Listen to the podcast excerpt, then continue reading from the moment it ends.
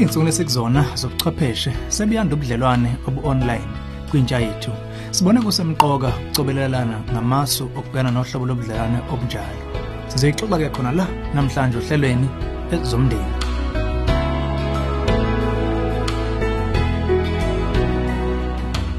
Angikubingelele ezomndeni uhlelo kulethela izeluleko eziphathekayo ngaba focus on the family.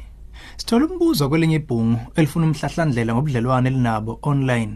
Libuze lathi, uthini umbono wenu ngokungena othandweni online? Ngineminyaka nje eko-20 manje kunentokazi engihlangane nayo kwi-internet. Ihlala kwesinye isifundazwe sesinesikhashanyana sixoxa nayo ngocingo kusuka sahlangana.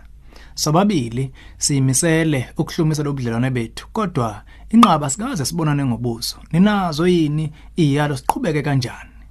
Asiqale ngokuphika ubudlelwane nomuntu ongamazi. Nokho uma uzwa uholelekile ngempela kuye singakhuthaza kuqala kube nezindlela ezithembekile zokwazana kuqala.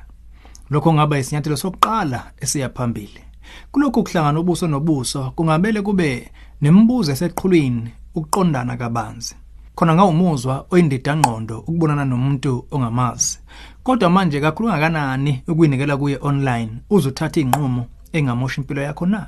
Emva kweqhingasu elinobuhlakani lokumazi lo muntu, yilapho yokwazi khona le ndaba yenu inobuqiniso phakathi noma niholela nophathe.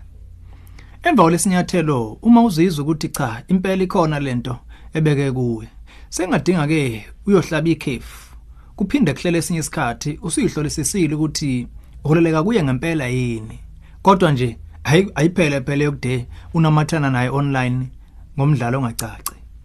Sikushiso yini lokhu?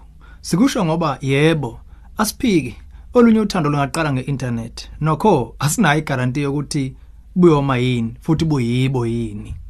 Phela ubudlelwane bempilo obubudlelwane bempilo yonke buphakathi kwabantu abazanayo ubuso nobuso, hayi imshini yokuxhumana.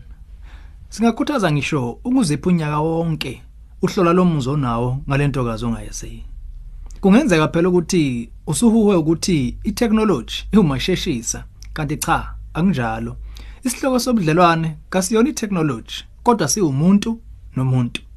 Yikho phela kulezi insuku kukhona abantu abaningi abaxhumanayo kodwa abanganamathelene.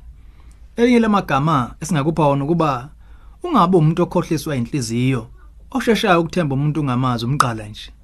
Ungayidayisi kodwa akuyivezwe indoda ethembekile, eqondile, neqotho kwesiqo. Kungahambi ngemizwa yakho, lokhu ukwenze kube umgogodla wempilo yakho. Uma ke uyipheke wena siqo kanjalo uyokwazi ukubona indlela eyiyo kwezobudlelwane futhi ube nesisekelo esiqinile kwezothando impilo yakho yonke. Uma impela uzwa emva kwakho konke lokhu ukuthi hayi yiyo lentokazi oholeleka ungena othandweni nayo.